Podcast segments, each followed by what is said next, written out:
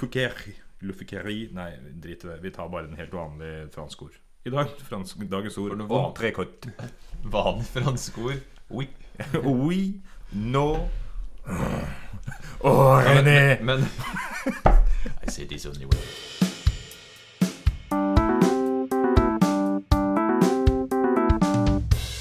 Den gang da. Bonjour, bonjour, bonjour! Bonjour, ça va? Det- Dette er da denne fantastiske historiske podkasten. Den gang da. Velkommen, velkommen. Eh, Vi skal i dag ha dette fantastiske temaet fransk historie. eh, Etter eh, et spørsmål fra en lytter som vi fikk over Facebook. Og den, skal vi, den tråden tar vi. Med meg for å snakke om dette har jeg som vanlig Hans Rosvold Hodtvedt. Velkommen. Bonjour. Og Jorge Lie. Oh, oh, oh. Velkommen. Går det bra? Takk. Jo da, det går bedre. Ja. Hans, går det bra? Ja, oui, oui. Très bien. Très bien. Inning. Parce que je le veux bien. Det, er, ja. det var fransk du kunne. Det er fransk. Vi er også for anledningen hjemme hos deg, Jørgen. Ja. som sist, faktisk. Fordi vi eh, Du har jo vært eh, under kniven. Jeg har vært under kniven, ja. Ja. Skjært bort litt greier. Så da, Det jeg ikke trengte. ja. så da har vi kommet hjem til deg midt i arbeidstida for å spille inn en podkast. Det er hyggelig. Det er fint. Jeg, jeg kjeda meg litt, så det passa utmerket. Du er i bedre form nå? Jeg er Kommer mye bedre seg? Så jeg kan drikke kaffe og sitte opp litt hver dag. Ja. Så bra. Og vi eh, må jo også gratulere dere, gutter. Fordi vi har jo nå takk, takk. runda i talende stund 50 000 lytt. Det er Og På 30 episoder. På tredje Ja. Dette er 31. Ja. Så, Så det hvordan- har vært en feiring, det. Hvordan sier man 50 000 på fransk? Uh, 50 000. ja, omtrent sånn. Det er riktig, det. Herregud. Ok, Unnskyld at jeg lurte dere ut på det. Nei, det går helt fint. Det går bra. Jeg er ikke flau for å innrømme at jeg er ekstremt dårlig i fransk. Kan ikke noe. Jeg eh, Ja. Nei, jeg veit ikke. Nei. Ja. Fransk er gresk for meg. Gresk derimot er latin for meg. For akkurat det kan jeg heller ikke. Nei. Eh, Så jeg sliter litt i det hele tatt med ganske mye. Portugali. Portugali, Det er gresk. Det betyr Portugal faktisk også. I tillegg til appelsin. Men nok om det. Orange. Frankrike. Et stort land. Ganske sentralt i Europa. Ah, vår store nabo i øst. Ja. Har vært med i, eh, i mange viktige hendelser opp gjennom historien. Eurovision Song Contest. Ja. Zi.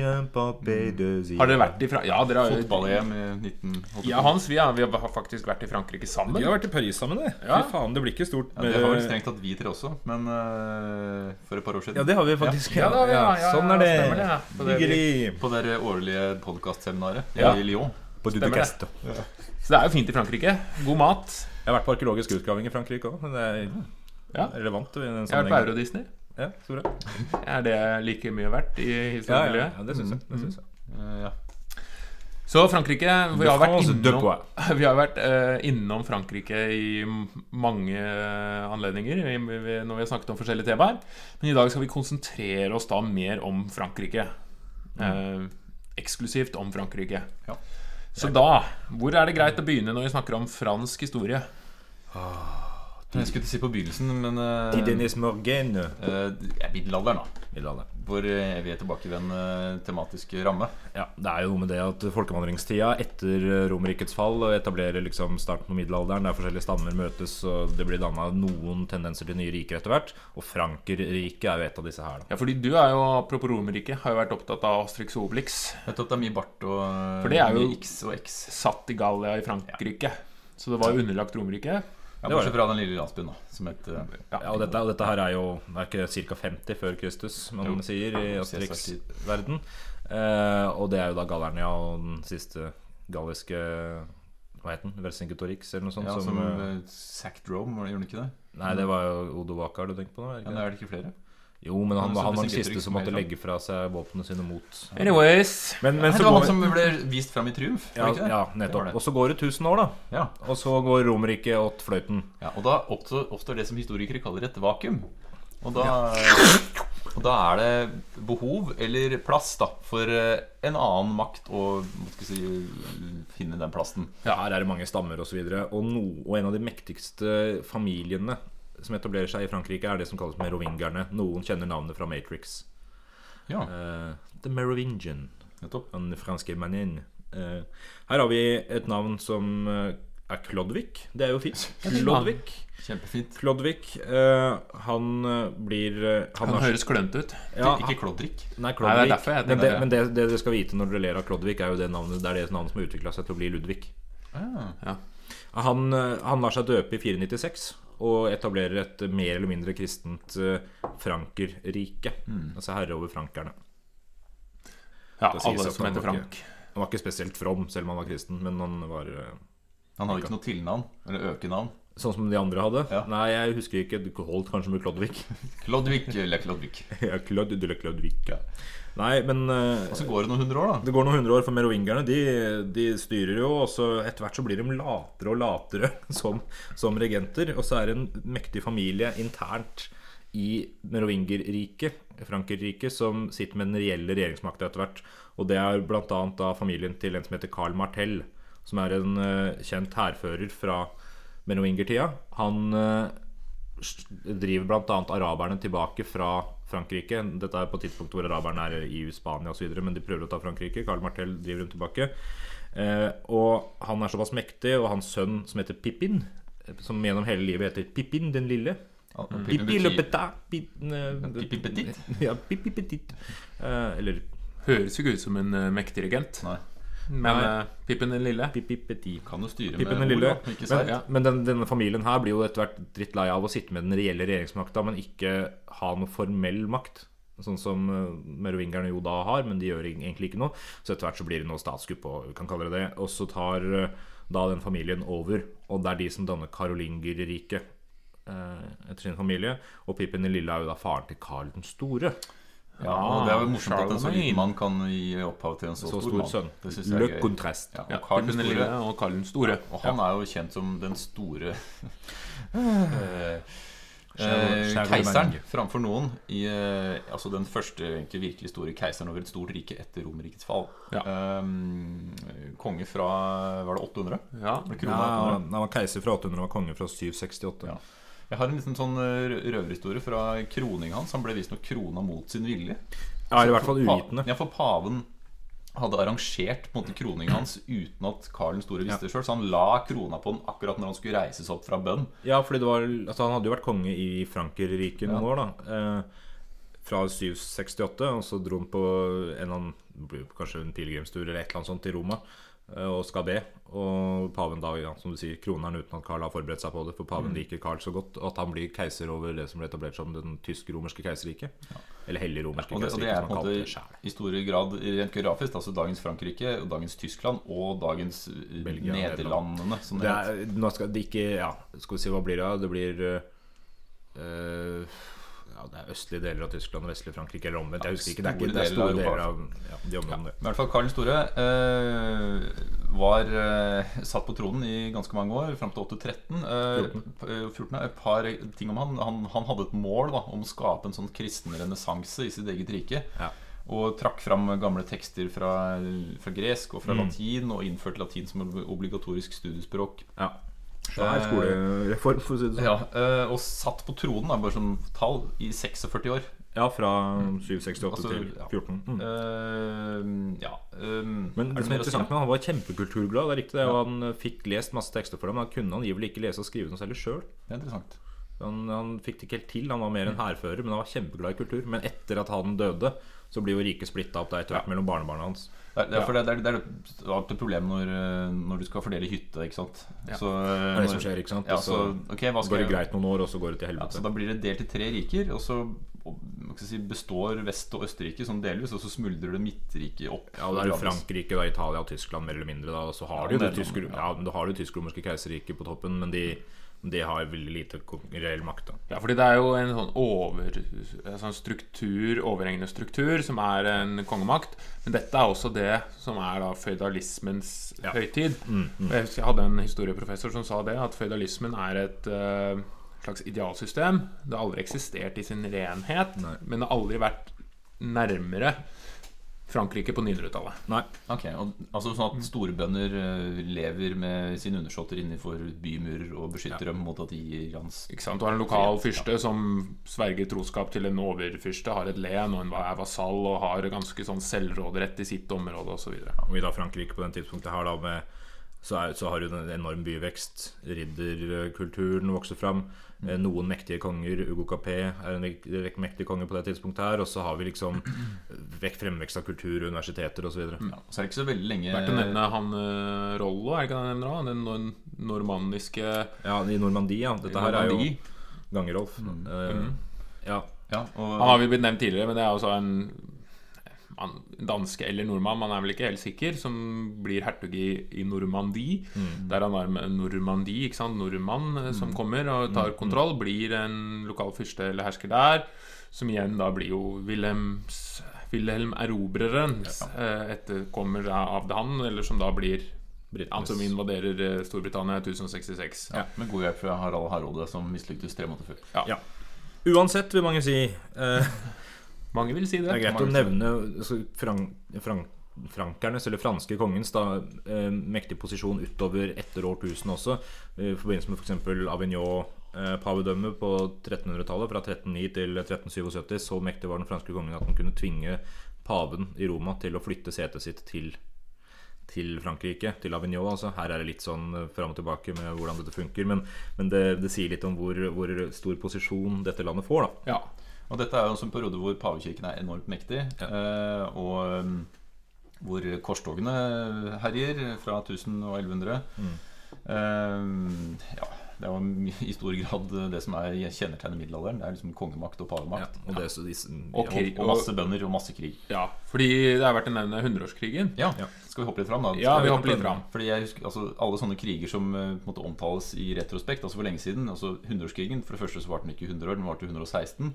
Fra 1337 til 1453. det må vi godta. Det må vi godta, det er greit. Men det var mange opphold på mange år hvor det ikke var krig. Men det er vanskelig å forstå hundreårskrigen, fordi den er en krig mellom England og Frankrike. Mm. og den engelske kongen krever eh, landområder i Frankrike fordi han mener at den franske kongen er underlagt han som vasall. Ja. Altså som tjener. Altså I et føydalsystem, egentlig. Historisk sett, mener han dette Ja. Og det fører til altså Jeg husker det var en historieprofessor som sa til meg en gang at England over denne hundreårsperioden de, de, de hadde en fantastisk mektig og overlegen hær. Og de vant de aller fleste slagene på Frankrike, men Frankrike vant de siste og viktigste. Og med god hjelp fra et par historiske kikkelser Vi kan jo, Skal vi driste oss inn på allerede? Ja, Jeanne d'Arc. Ja.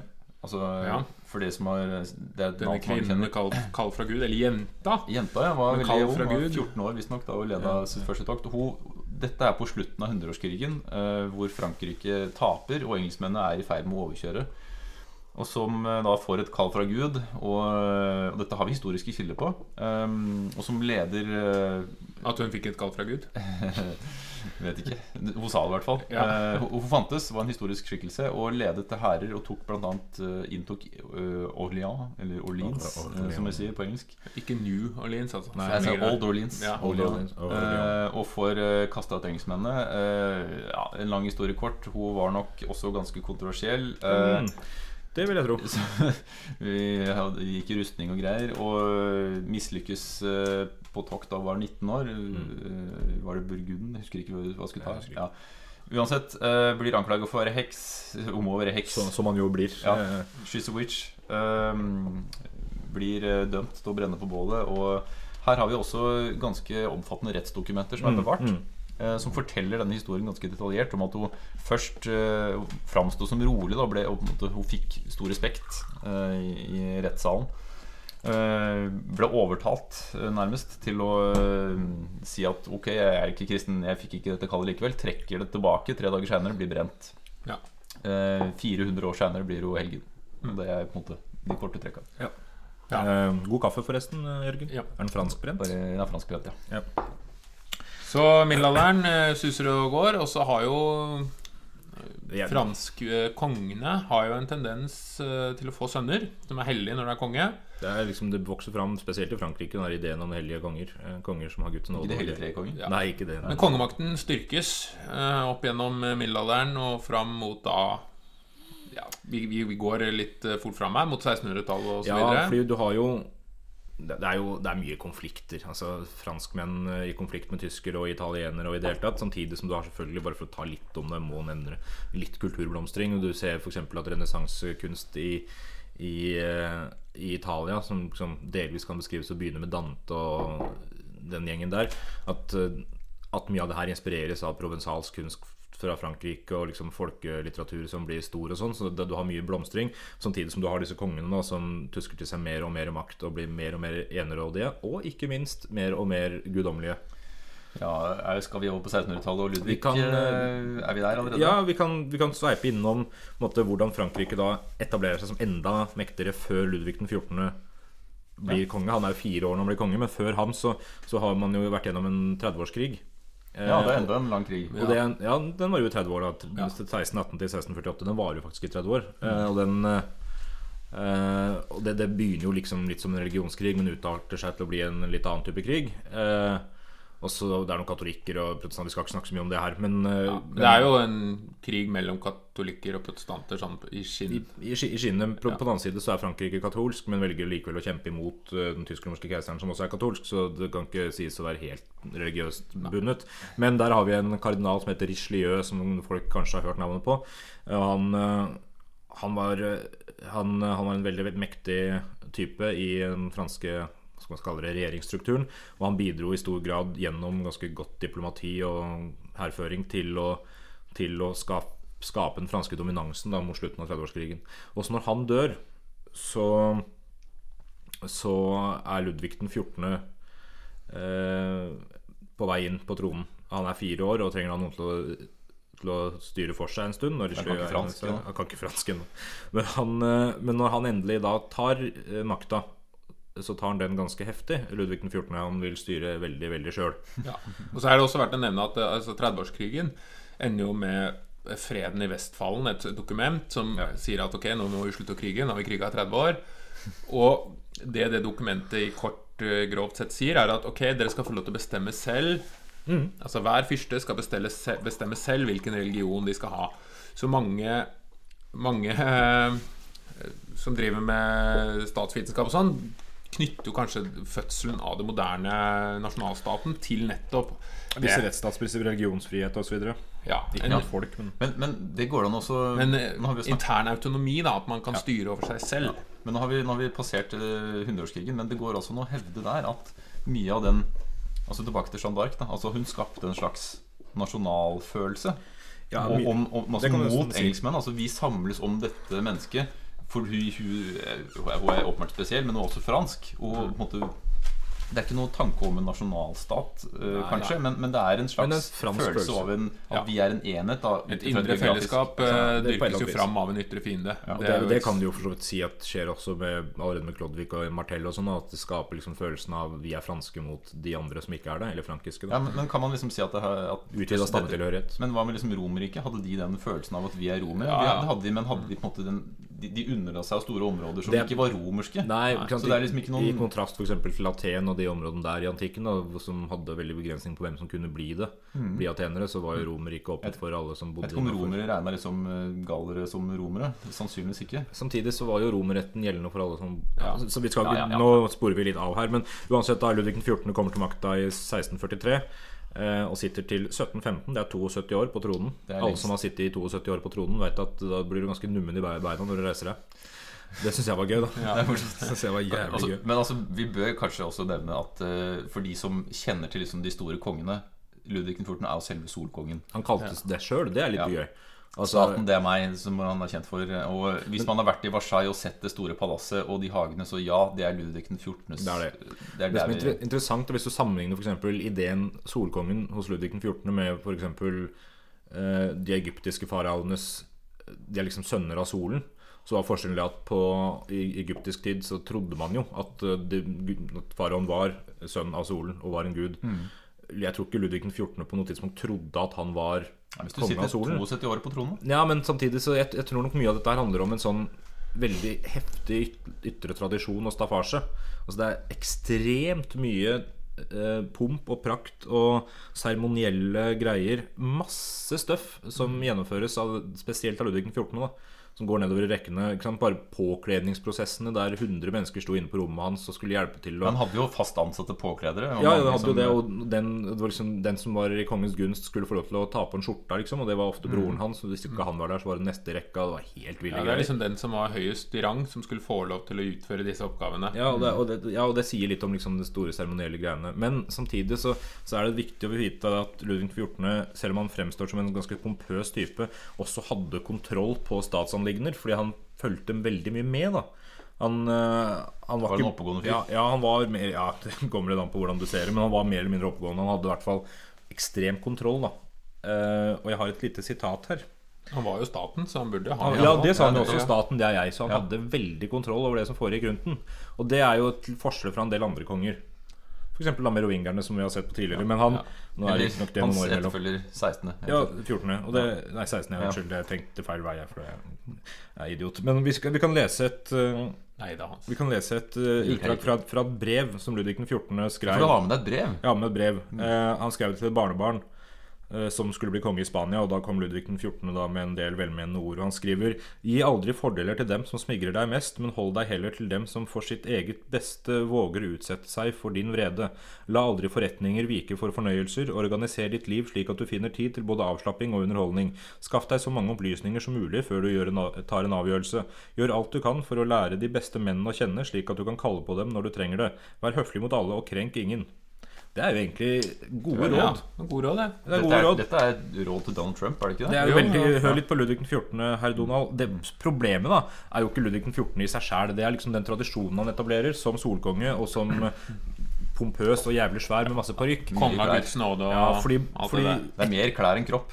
fordi etterfølgerne hans, da f.eks. Ludvig den 15., og da naturlig nok Ludvig den 16., de, de tar med seg den tradisjonen om å være atskilt fra folket, være opphøyd og heftige, men glemmer på en måte litt den der å faktisk også ha kontroll og sitte med en fornuftig regentrolle.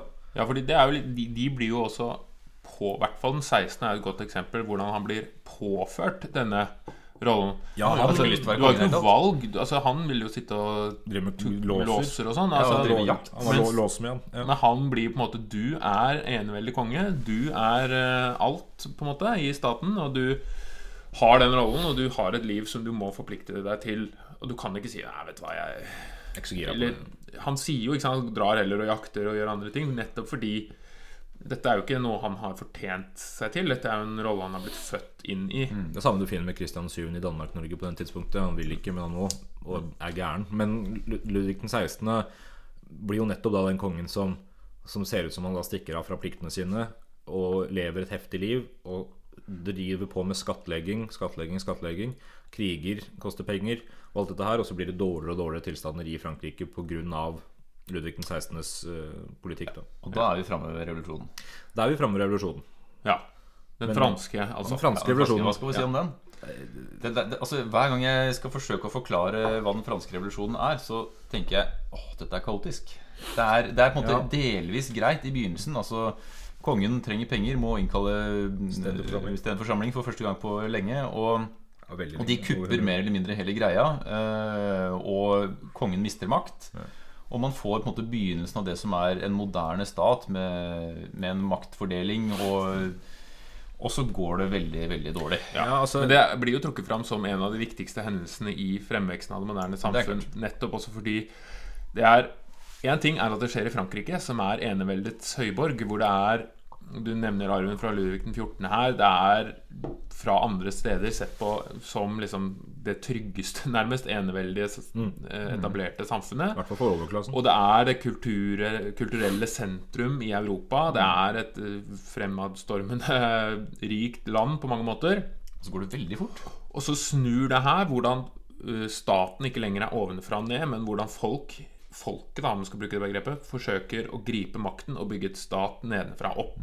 De som skal styre over oss, skal vi bestemme hvem er. Ikke sant? Ikke at vi blir styrt ovenfra og ned fordi sånn er det, og sånn har Gud eller hvem som helst sagt at det skal være. Basically en stat med mer folkelig legitimitet, da. Ja. Eh, det går, det går, altså, altså, som du sier, Fra å være det eneveldet da, til å bli noe helt annet, så går det veldig kort tid. Det, er, jo- det, er jo, det er jo derfor det kalles en revolusjon. Altså Det er en omveltning på kort tid. Og et samfunn som blir helt omkalfatra, helt annerledes. Og man forsøker på et rasjonelt grunnlag, det man oppfatter som et rasjonelt grunnlag, å skape et statssystem, istedenfor at staten har vokst gradvis fram og Mm. blitt sett på som en altså, struktur for strukturens skyld. Man sier ok, hvordan skal vi organisere oss? Lage jo, regler, vi må tenke, da. Ja. Vi må tenke, finne ut av hvordan vi skal organisere oss. Og, og det er klart at går Ja, det går dårlig etter Ja, hvert. for det går bra først, og så går det Altså Det er en grunn til at det kalles uh, terrorvelde og At de spiser sine egne barn og sånn. Ja. Men, men, du, men du, har jo, du har jo to aspekter ved hvorfor det blir revolusjon. Det ene er selvfølgelig idégrunnlaget, som noen snakker om her. Og ideen om uh, Mener du meg når du sier noen? Nei, alle generelt. Altså, men vi deler inn i idégrunnlag, altså folkesuverenitet og maktfordeling og alle disse franske filosofene som dukker opp her. Ikke sant? Voltaire og Rousseau og Montesquieu og Diderot og hele gjengen. Alle slutter på.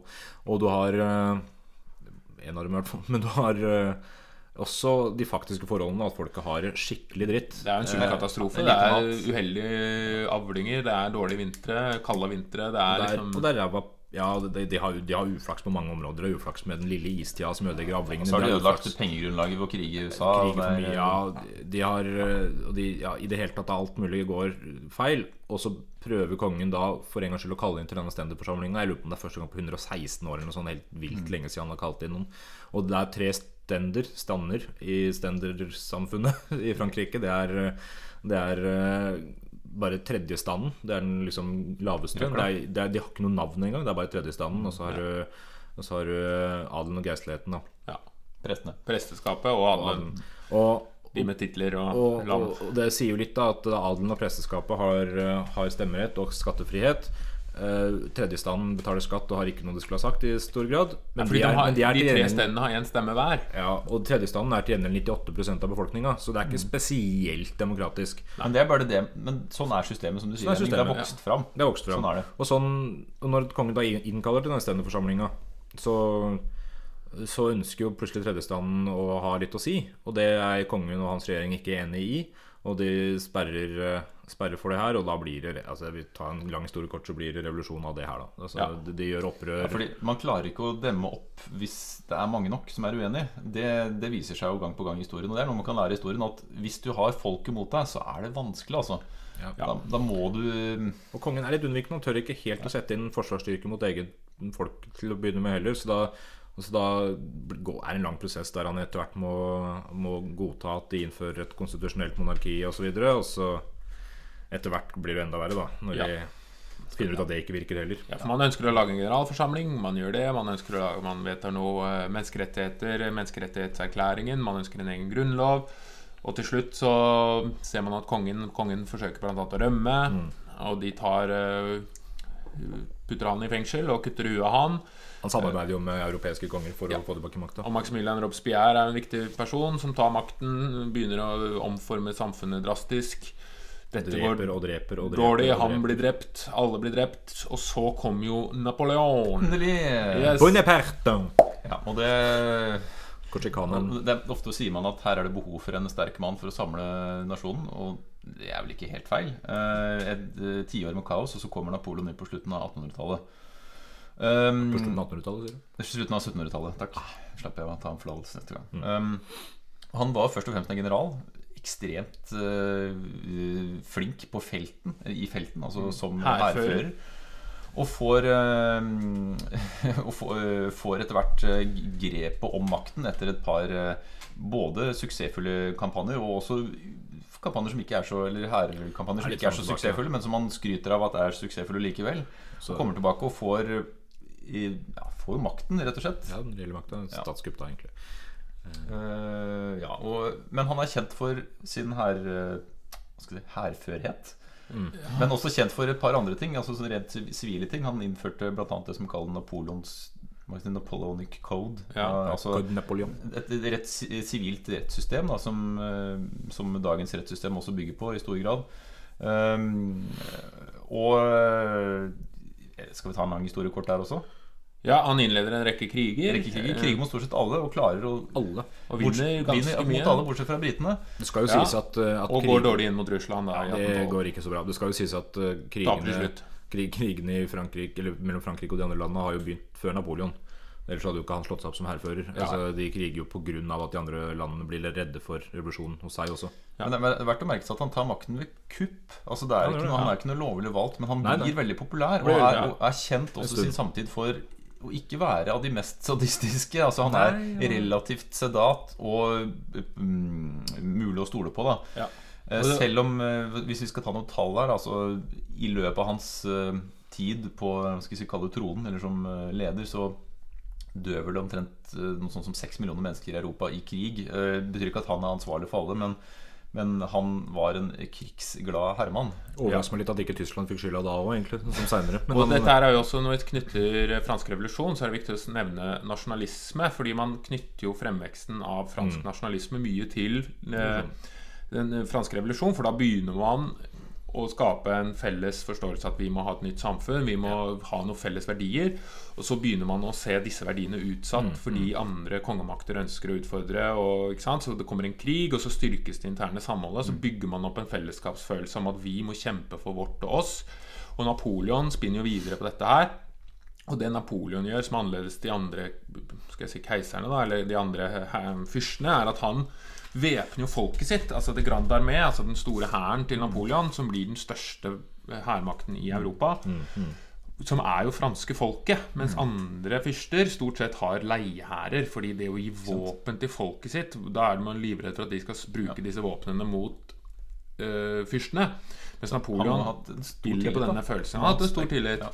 Altså, det, går, det går ganske bra eh, veldig lenge, helt fram til 1808. Og så begynner det å gå litt dårligere når britene kommer på banen. Og så er det det famøse innslaget i Russland i 1812 hvor han går inn i Russland med 600 000 mann. Og vinteren kommer, som man alltid gjør når folk prøver å ta Russland. Og så kommer 40, 40 000 tilbake. Altså 600 000 inn, 40 000 ut. Bare Japan som har klart å slå Russland. Ja, det, var- ja. Og øh, en lang historie kort der også, blir sendt i eksil til Elba. Um, Så svømmer tilbake til land. Svømmer tilbake til land for sine siste 100 dager. Samler en ny hær og blir knust øh, Eller ikke knust, han blir slått. Han blir slått Ja. ved Waterloo. Waterloo. som ABBA synger. Ja, ikke sant? Kan man si at tapte så det sang. Han tapte så det sang. Drar til eh, da. Sankt Helena Helena. og baker kaker resten av livet. og dør. 1820 Og dør. et eller ja. Og eh, dette her, vi, vi snakker om fransk historie, nå kommer vi opp på 1800-tallet. Da er det jo viktig å nevne, fordi du har jo dette eh, gamle regimet med, regime. med Ludvigene, Mm. som er jo en etablert eneveldig kongemakt.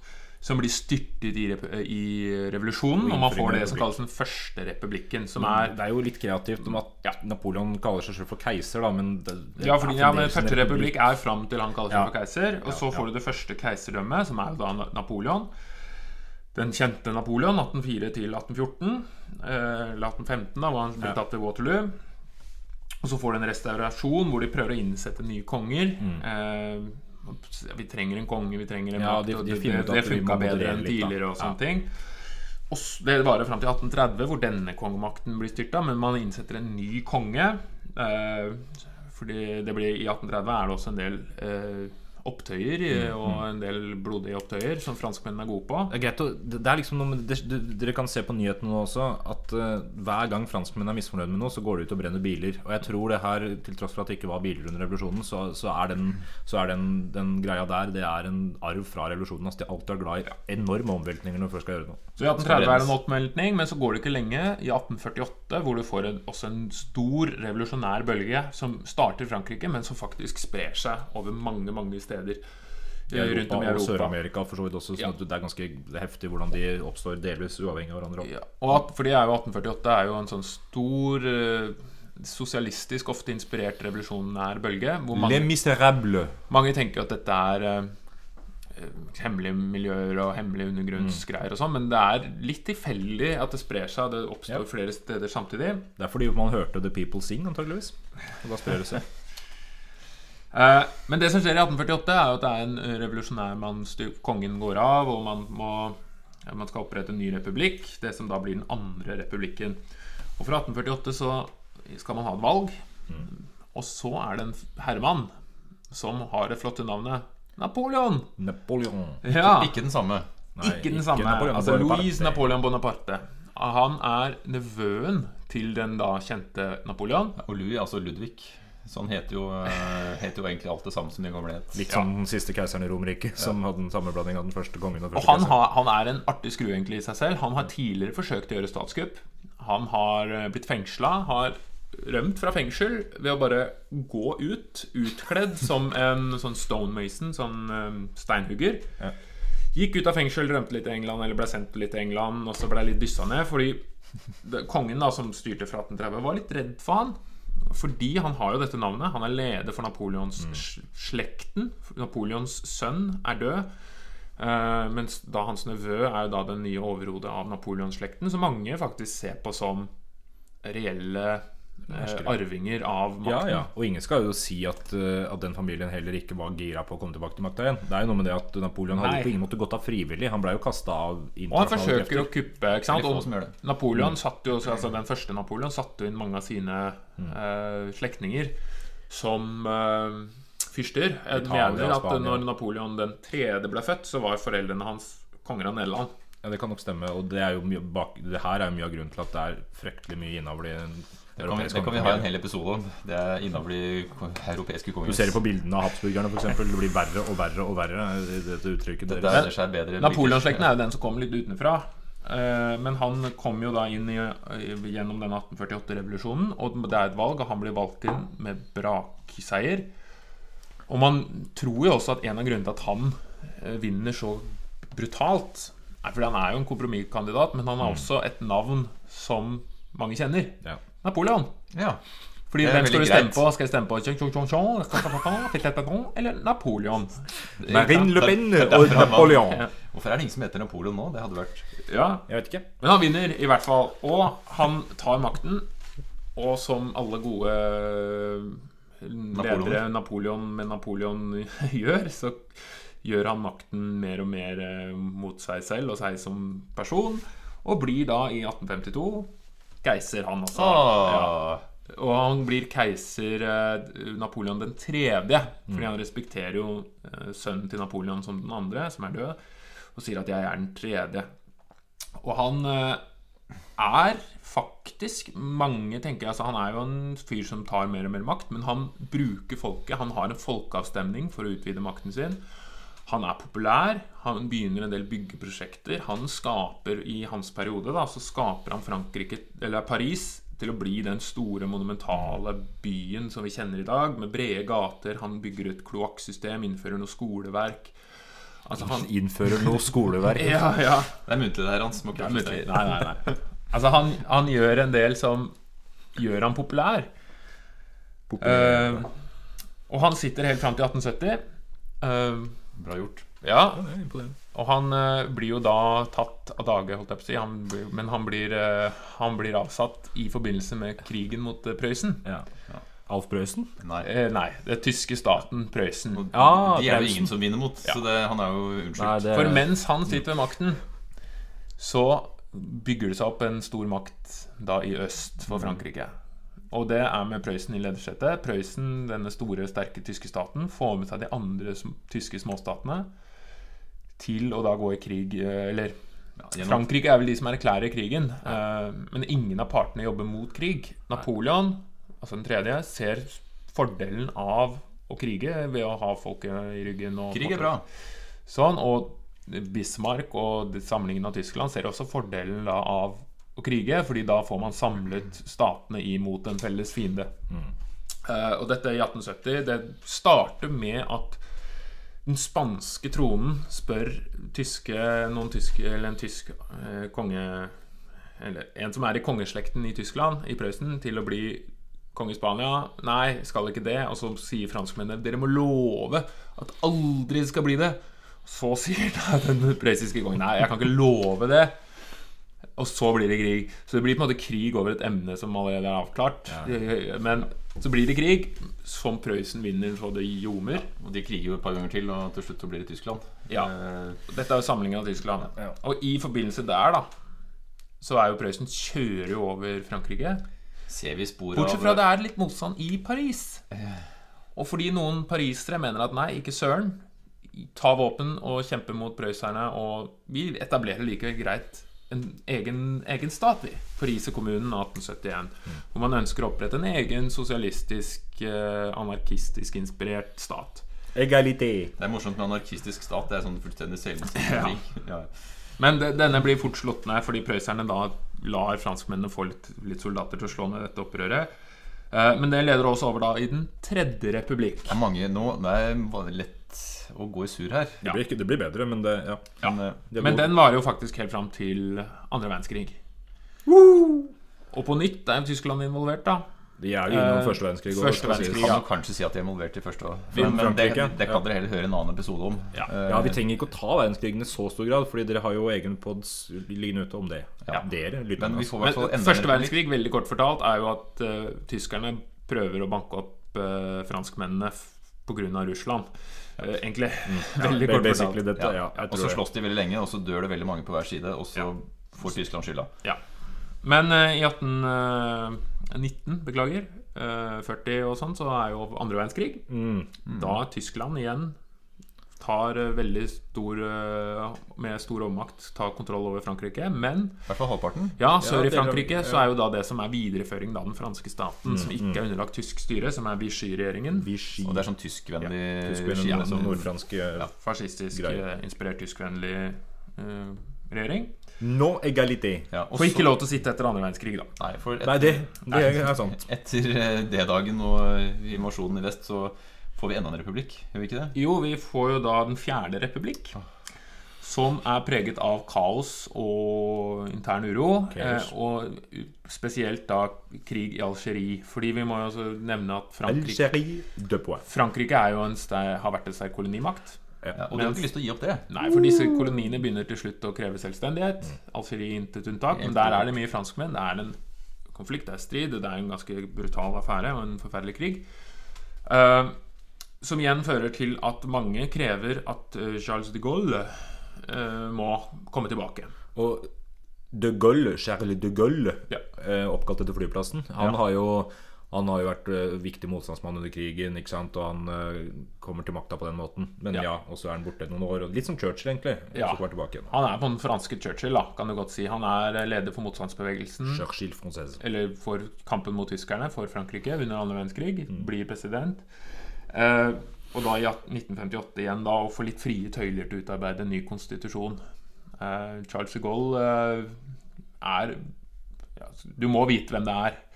Og da har vi republikk nummer Den femte republikk. Den, femte Og republikk. det, ja. den står vel foreløpig. Den står vel Fram til Marine Le Pen blir eh, statsminister. Og innfører Ja. te- terrorvelde? Nei. Eh, jeg vet ikke. Dette er en politisk nøytral podkast. Hvis noen ønsker å finne ut hvem Charles de Gaulle er, så er det bare å se på gamle Allo Allo-episoder. Der snakker de en del om motstandsbevegelsen, og den kommunistiske motstandsbevegelsen mot den konservative. Og den konservative er da de Gaulle-motstandsbevegelsen. Og forklaringa på hvem de Gaulle er, det er han med den store nesa. De Big. Ja, og den runde hatten. Runde hatten og stor ja. Ja. Har vi kommet oss i mål nå, eller er vi ja, det er verdt å si litt om europeisk samarbeid. Fordi Frans Det er vel det. Frankrike eh, går jo også inn for denne kull- og stålunionen med Tyskland. Ja. Som senere blir Som senere blir EU. EFTA og Og ja. De, de Gaulle er jo viktig der, fordi, fordi eh, Storbritannia blir jo ikke med i det som etter hvert blir altså EEC, det som etter hvert blir EU. Nettopp fordi de Gaulle legger ned veto to ganger mot uh, britisk søknad, fordi han frykter da for fransk dominans. Så han eh, får en viktig Men når han på en måte forsvinner av politikken, så er det åpent for Storbritannia. Og også Norge, som da er jo litt i kjølvannet av Storbritannia. Norge stemmer nei. 72, men Men vi har muligheten likevel. vi har muligheten, uh, mens Storbritannia blir jo med. Ja. Og Danmark. Men Frankrike de blir jo etter hvert også en atom, eh, Atommakt, atommakt, ja. ikke sant? Og det er jo viktig, I 1960, du sier om jeg ikke husker helt Ja, feil. ja, viktig i det europeiske samarbeidet. Og så da eh, et, bidrar da etter annen verdenskrig også til å være en del av den delen av verden som for en gangs skyld klarer å skape fred mellom seg sjøl og Tyskland. Og, og Sitter jo også i Sikkerhetsrådet. Ja. Ja, Jeg- så de har jo ren formell makt Jeg har kanskje nevnt det her før, men EU fikk jo fredsprisen for litt siden. Og bare det at det er ganske utenkelig at Frankrike og Tyskland i dag skal Mm. gå til krig mot hverandre, det er jo det henger jo ikke på greip om det, Nei, det skulle nei. skje, men det har jo vært en realitet stort sett opp ja. gjennom hele Men vi ser jo det fra For en eller to liksom generasjoner siden så er det nok noe helt annet. Men for oss som vokser opp i dag, er det jo Det er jo relativt uh, positivt, da. Skal si? Det er vel positivt for de som er for en eller to generasjoner Det er siden klart også, kanskje. Men, men jeg skjønner hva du Jeg vet ikke om de ser på samme måten som oss, men for oss er det helt utenkelig. Ja. Ja, og det er helt Og så er det verdt det. Altså, hvis vi avslutter litt nå, så si, og så oppsummerer litt om Frankrike Vi har jo fått mye bra fra Frankrike. Altså, du kan godt snakke bra, ja. om snegler og bagetter, men Escargot er baguette. ja, Bri. Mye bri. mat og ost og kul, men ikke minst kultur og ideer. Og Ideer. mye rare stavemåter. Ja. Majones. Spesielt majones. Trottoir. Uh, også skal vi er- leder oss automatisk inn i eh, det epilogen her. Ukas gærning og ukas ord. ja, bare av, konkludere. Frankrike kommet for å bli. Kommet for å bli Kan nok ikke kommet for å bli. Jeg bare, det, de, av, de av oss som liksom husker Jacques Chirac og 90-tallet, han Ja. som testa ut atomvåpen i- Eller atombomber i Stillehavet, så vidt jeg husker. Eh, ja, ja, dette er ganske de har, de har fine ting i, fremdeles. De har liksom opprettholdt en ganske kul posisjon.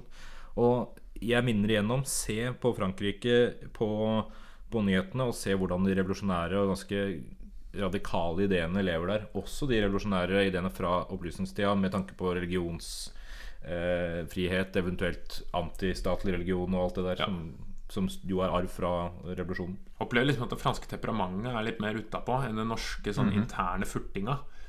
Nordmenn er litt dårlige på revolusjon, mens i Frankrike så er de uh... Norge kan Norge klart det, det er klart det når du begynner uh, dagen din med, med sjokolademelk og, og Nutella på, på croissant. Da veit du, vet du hvordan dagen blir. trippel espresso. Det er der eh, da blir det- blodsukker opp og ned. Da blir den enten ekstremt sedat eller, eller eh, hissig. Så du bruker opp alle kreftene med en gang du får den. Ja. Så er det ferdig. Eiffeltårnet. 16 timer Verdt å si noe om det? Nei, nå er Nei, det, er et høyt Det er høyt. og ikke det er veldig høyt og det er lagd av stål. Og Står skulle det, rives med en gang. Står fortsatt. Står fortsatt. Det var en av kar som eh, Da Eiffeltårnet var ganske ungt eh, Jeg husker ikke hvem det var, men det var en forfatter. Han, eh, han hata Eiffeltårnet overalt i Paris. Og, og favorittrestauranten hans var av den grunn på toppen av Eiffeltårnet. For det var det eneste stedet han kunne være uten å se det. Smart. Kan jeg bare si litt om Voltaire, eller? Eh, ja, er det ukas gærning, Ukas gærning. Ukas I gærning. I dag en positiv ukas gærning. Har du Han ikke noe jingle på det? Har vi en ukas gærning-jingle? Har vi det? Vi har uh, Det er så lenge siden jeg har hørt det her. husker ikke Ja. Jo, den er fin, den. er jo gæren, ikke sant? Vanligvis har jeg jo despoter og forferdelige folk. I dag en litt mer hyggelig fyr. eh, Voltaire. Eh, kanskje den fremste tenkeren eh, fra opplysningstiden. Det går an å påstå det. Kan påstå det. Jeg kan påstå ikke at det stemmer. Han var ikke bare en tenker, han var først og fremst eh, en skriver. En satiriker, en filosof, en tenkemann, en snakkemann, religionskritiker. Og ikke minst, han var veldig populær i sin samtid. Han ble forguda av Voltaire, Nesten- han var populær. Takk, Takk, takk, takk, takk. Og han, han klarte det kunststykket da, å være ekstremt regimekritisk og autoritetskritisk samtidig som han slapp unna med det. Litt sånn elegant. Han, Ja. han var så populær da at Han ble vel fengsla på et eller annet Han ble tidspunkt. fengslet, men det gikk liksom bra likevel. Konger, og sånn- Han var satiriker, så han skrev mye spottende ting. Og, øh, men kongemakten var sånn han er, så, 'Han er så kul, han er så bra, vi må være venner med Voltaire', osv. Ja. Svært intelligent, svært rik. Eh, veldig rik. Tjente visstnok en haug med penger på å forfalske et lotteri. Eh, et Paris-lotteri på 1600-tallet eh, og 1700-tallet. Han var en sammensatt fyr. Eh, og det er et par sitater som bør gjennomgås her. Eh, han, var, han, altså han var i opposisjon til mange autoriteter, men hadde også mange venner blant dem, og sa selv at han var svært opptatt av sannheten, men ikke så opptatt av å være martyr. Så han, måtte, han var litt pragmatisk, da. Han eh, sa ting eh, som var sant, men han Gikk tilbake på det. opptatt av det gode liv, ser jeg Ja, for meg. ja. Eh, var sammen med en gift kvinne, bodde sammen med en gift kvinne i ti år, som ikke var gift med han. Å, ja, nei, Det er så typisk fransk. Det er så typisk fransk. Eh, og selvfølgelig en voldsom inspirasjonskilde for den franske revolusjonen. Og det sies at da han døde, eller han, han var liksom på sykeledet, så kom så valfarta folk for å sitte liksom ved senga hans for å se på Voltaire. Liksom, Sjekka! For en fyr, liksom. Her skal vi være, og her skal vi være venner med. Og han var sånn den kuleste gutten da i Ja. eh, klassen. Ja. Nok om Voltaire. Eh, Dagens ord. Ja, jeg lurer på om vi skal ta en frase. Vent da, jeg må ta, vi tar en fransk frase Le fra fraise. Le Fraise Revolutionnaire.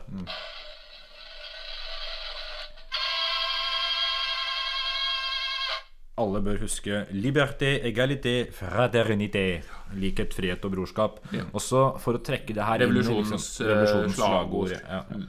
La Merciesse og hele møkka. Hvis du trekker det her inn i moderne fransk tankegang, og det er i hvert fall det inntrykket man har av franskmenn, De røyker litt, de drikker. Det er ikke så farlig så med med normer. De kommer unna med alt. Du ser på presidentene hvor, hvor liksom skandalene på en måte bare Det er ikke så farlig hva de driver med på fritida. Minner litt om det italienske lynnet, sånn sett. Ja, de, de gjør det. Og, der, det. og Derfor vil jeg gjerne legge på et fjerde begrep bak de tre, som jeg syns da kan beskrive Frankrike. Så da kan vi legge oss dette på minnet i dag. Det er liberté, égalité, fraternité et frivolité.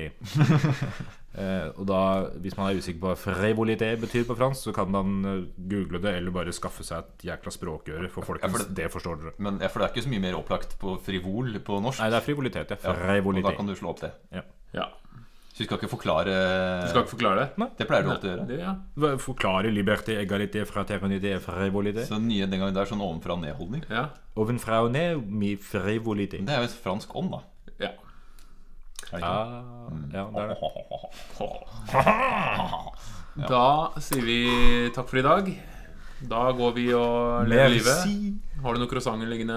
Masse, masse croissanter og bagetter. Bra, bra. Croissant. Eller baguette, som det heter på norsk. Åh. Husk det. Entrecôte. Ja. Bagette. Pommes frites. Takk for nå.